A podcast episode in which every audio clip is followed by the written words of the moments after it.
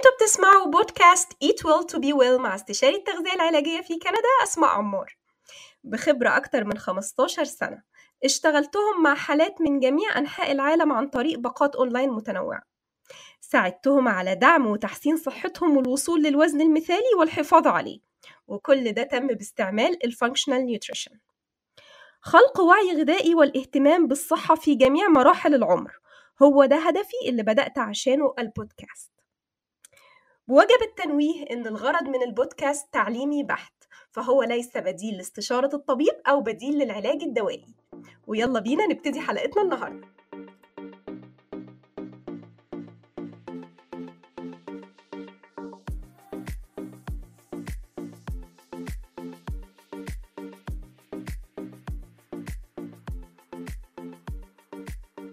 وحلقة النهاردة بعنوان إزاي نحسن الحرق الداخلي للجسم. في الحلقة هكلمكم إزاي نحسن الحرق لعدة أسباب. السبب الأول إزاي نعمل نتائج أحسن في الدايت. السبب التاني إزاي نحرق دهون أكتر وخصوصا الدهون العنيدة المتراكمة في الجسم واللي بقالها فترة طويلة. النقطة التالتة إزاي نحافظ على وزننا بصورة أسهل. هنقضي مع بعض على أسطورة أنا بتخن بسهولة وأسطورة أنا حرقي ضعيف. النقطة الرابعة والأخيرة هي إزاي نعوض ضعف الحرق اللي بيحصل لنا مع الإيجينج والتقدم في العمر وخصوصا بعد مرح... بعد الدخول في مرحلة الأربعينات. قبل ما ندخل على النصايح خليني أقول لكم إن عملية رفع الحرق وتحسينه عبارة عن حلقات متشابكة. ما ينفعش نوقع حلقة منهم لأن كل الحلقات هتفرط مننا.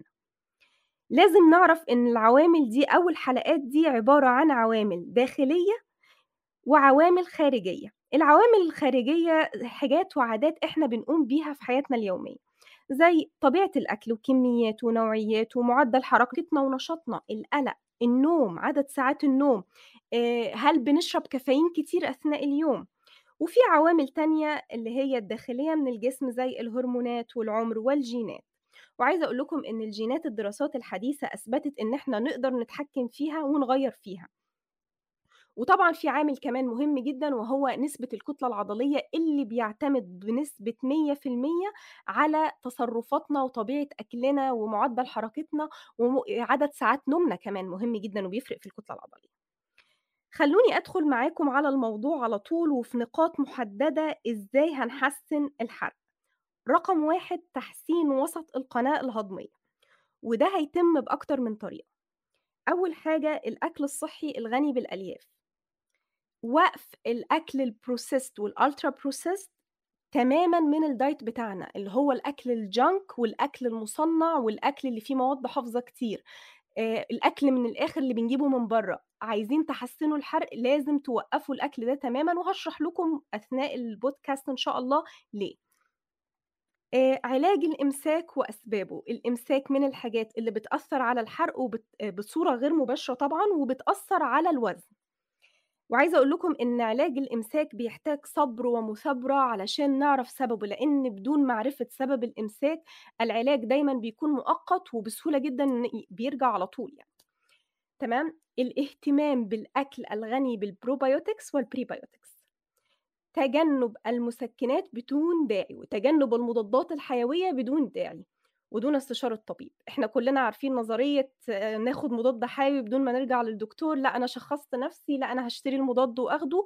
دي حاجة خاطئة تماما. المضادات الحيوية بتأثر على التوازن البكتيري في القناة الهضمية وكذلك المسكنات.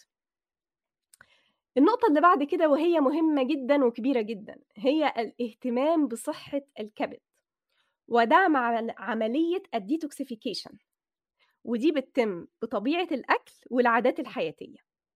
إحنا كنا شرحنا قبل كده إن عملية ال detoxification علشان تتم بصورة كاملة محتاجة الكثير والكثير من شرب المية وإن إحنا نتناول أكل صحي متوازن غني جدا بال vitamins والأملاح المعدنية.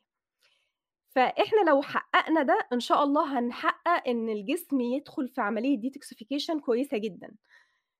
النقطة اللي بعد كده تقليل التوتر. وفي طرق كتير طبيعية جدا بدون ما نلجأ لأي أدوية أو نلجأ لاستعمال أي أدوية زي الرياضة المشي في الطبيعة التحدث مع شخص بنحبه ممارسة اليوجا الأعشاب الطبيعية زي عُشب الlemon balm من الحاجات الفعّالة جدًا في خفض نسبة التوتر والقلق، وكمان ليه فايدة مهمة جدًا إن هو بيحسّن وسط القناة الهضمية وبيحسّن عملية الهضم.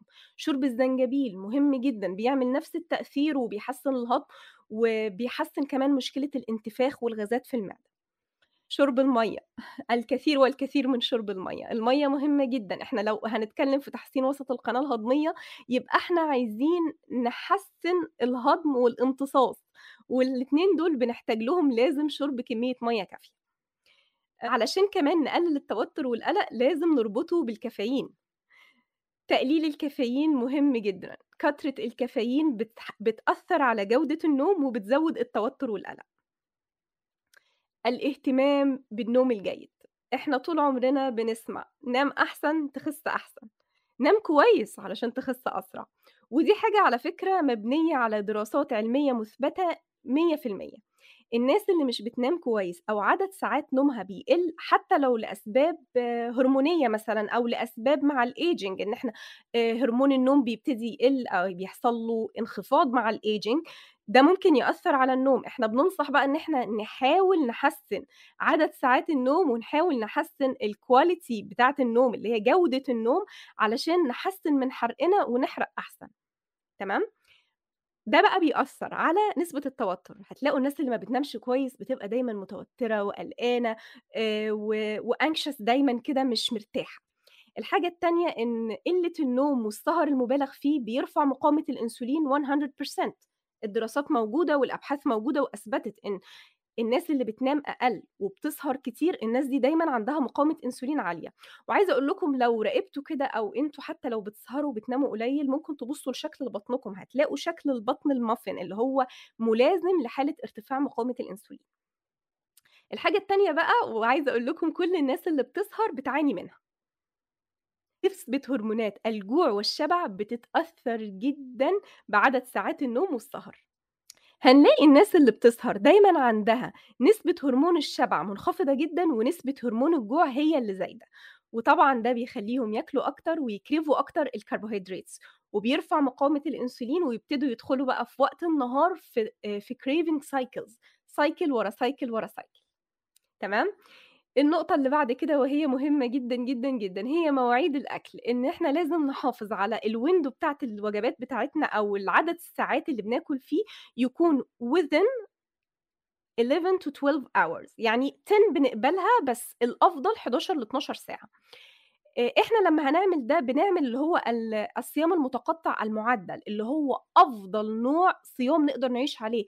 طول حياتنا وبيsupport القناة الهضمية والهرمونات والتوازن الهرموني في الجسم والmood وكل حاجة، غ يعني بيحمينا من كل الbad side effects بتاعة الصيام المتقطع، اللي هي اللي هي مثلًا التوتر ورفع هرمون القلق وإن إحنا بيأثّر على النوم وبيأثّر على الهرمونات، تبتدي الperiod تلخبط ويبتدي يحصل تغيُّرات مزاجية ونبتدي إن إحنا ال ال ال المنبه بتاع الجوع والشبع بتاعنا بيختل، يعني اللي هو ما بنبقاش عارفين إحنا بناكل وفقًا إن إحنا لازم نبقى صايمين معظم اليوم، فبنلاقي إن لأ، إحنا غيّرنا في حاجة طبيعية جسمنا ربنا خلقه عليها، إحنا ال اليوم للنشاط، عدد ساعات الصيام لازم تبقى ل في وقت النوم، اللي إحنا بنعمله أو الناس كتير جدًا بتبتدي تعمله أنا هاعمل صيام متقطع، لأ أنا هابتدي آكل الساعة 02:00 الضهر، ده مش صح، أنا هابتدي آكل الساعة 12:00 الضهر، ده برضه مش صح وده ما ينفعش أبدًا يكون نظام حياة، تمام؟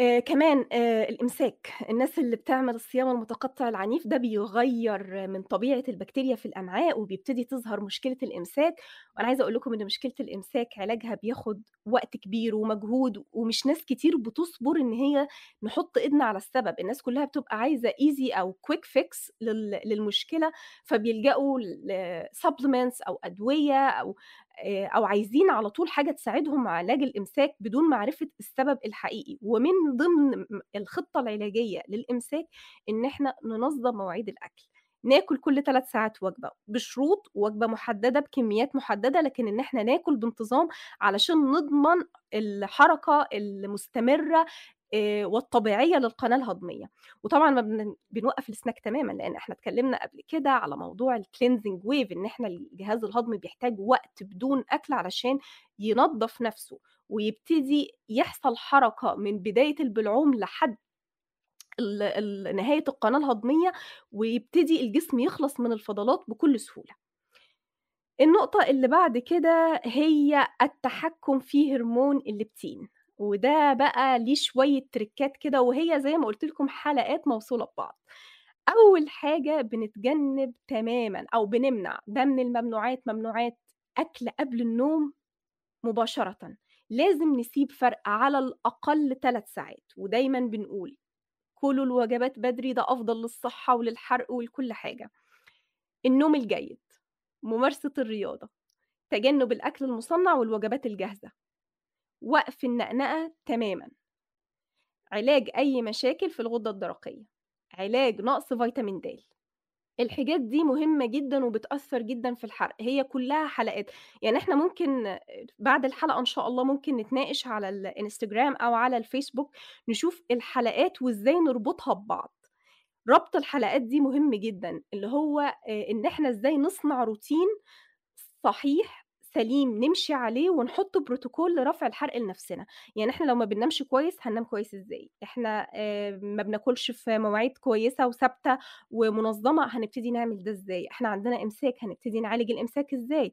آمم مش بانام كويس، مش باتحرك، مش بامارس رياضة، الحاجات دي كلها ممكن نبتدي نقعد مع نفسنا نفكر إزاي نحط بروتوكول لنفسنا خاص بينا مناسب لظروف حياتنا، إن إحنا نطبّق ال النصايح دي ونخلّيها قدّامنا دايمًا علشان نحسّن من الحرق الداخلي للجسم. الحرق الداخلي للجسم كمان بيتحسّن بممارسة الرياضة، وبعض أنواع الرياضة زي تمارين الHIIT والكارديو، الHIIT بالذات من الحاجات اللي بتحسّن الحرق جدًا، جدًا، ومن الحاجات اللي إحنا بنستعملها في كسر الثبات. النقطة اللي بعد كده آآ معالجة أي مشاكل صحية متعلقة بالحرق، زي ارتفاع مقاومة الأنسولين، وده هيتعالج عايزة أقول لكم إن كل النصايح اللي أنا ذكرتها قبل كده دي تقريبًا 90% من علاج ارتفاع مقاومة الأنسولين. آآ علاج أي مشاكل في الغدة الدرقية، نتأكد إن إحنا بناخد الجرعة الصحيحة وبناخد الدوا صح، لإن اللي أنا بالاحظه إن ناس كتير جدًا بتاخد الدوا وبعدها تشرب قهوة. الكلام ده يعني يضيّع تأثير الدوا تمامًا، القهوة لازم ننتظر على الأقل ساعتين وأنا بانصح ب4 ساعات كمان على الكافيين. الدوا لازم ليه شروط معيّنة تتاخد وكمان في حاجات مريض الغدة لازم يكون بياخدها في نظامه الغذائي، زي السيلينيوم، زي اليود، الحاجات دي لازم نكون أذكيا جدًا ونحطها في نظامنا الغذائي علشان نتأكد إن إحنا بن support بندعم الغدة الدرقية. ولأي ح شخص على فكرة، يعني أنا دايمًا بانصح لازم ناكل كويس، لازم ن support الغدة الدرقية لإن هي مايسترو الحرق في الجسم. النقطة اللي بعد كده آآ إن شاء الله هنناقشها هي الإحساس بالmotivation أو اللي هو إن أنا ما أفقدش الأمل بسرعة، لازم أعرف إن عملية رفع الحرق دي هتاخد وقت، إن أنا لو وزني زيادة أو إن أنا ملاحظة إن حرقي بينزل بقى له سنين، أنا علشان أطبّق الحاجات دي كلها وأبتدي أشوف نتيجة محتاجة من 3 ل6 شهور. لازم نكون مستعدين نفسيًا وجسديًا إن إحنا عارفين إن في وقت هناخده علشان نصحّح حرق جسمنا، وعلشان ندّي جسمنا العناصر اللي كانت ناقصاه علشان يبتدي يحسّن الdetoxification ولو في أي نقص لعناصر في الجسم نعالجه، ونبتدي نغيّر من نمط الحياة لنمط حياة أكثر صحة، هيعمل لج الجهاز المناعي والنفسية وللقناة الهضمية، وهنحس بتحسُّن كبير أوي في كل نواحي آآ حياتنا الصحية إن شاء الله. آآ شكرًا جزيلًا لحُسن استماعكم للبودكاست، هانتظر آرائكم آآ حسابي على الإنستجرام وعلى الفيسبوك، هانزّل بوست لمناقشة الحلقة إن شاء الله، آآ وأتمنى إنكم تكونوا انبسطتوا بالحلقة وطلعتوا منها بمعلومات مفيدة، وأي استفسار هانتظره منكم وهاناقش الاستفسارات إن شاء الله في الحلقة القادمة. مع السلامة.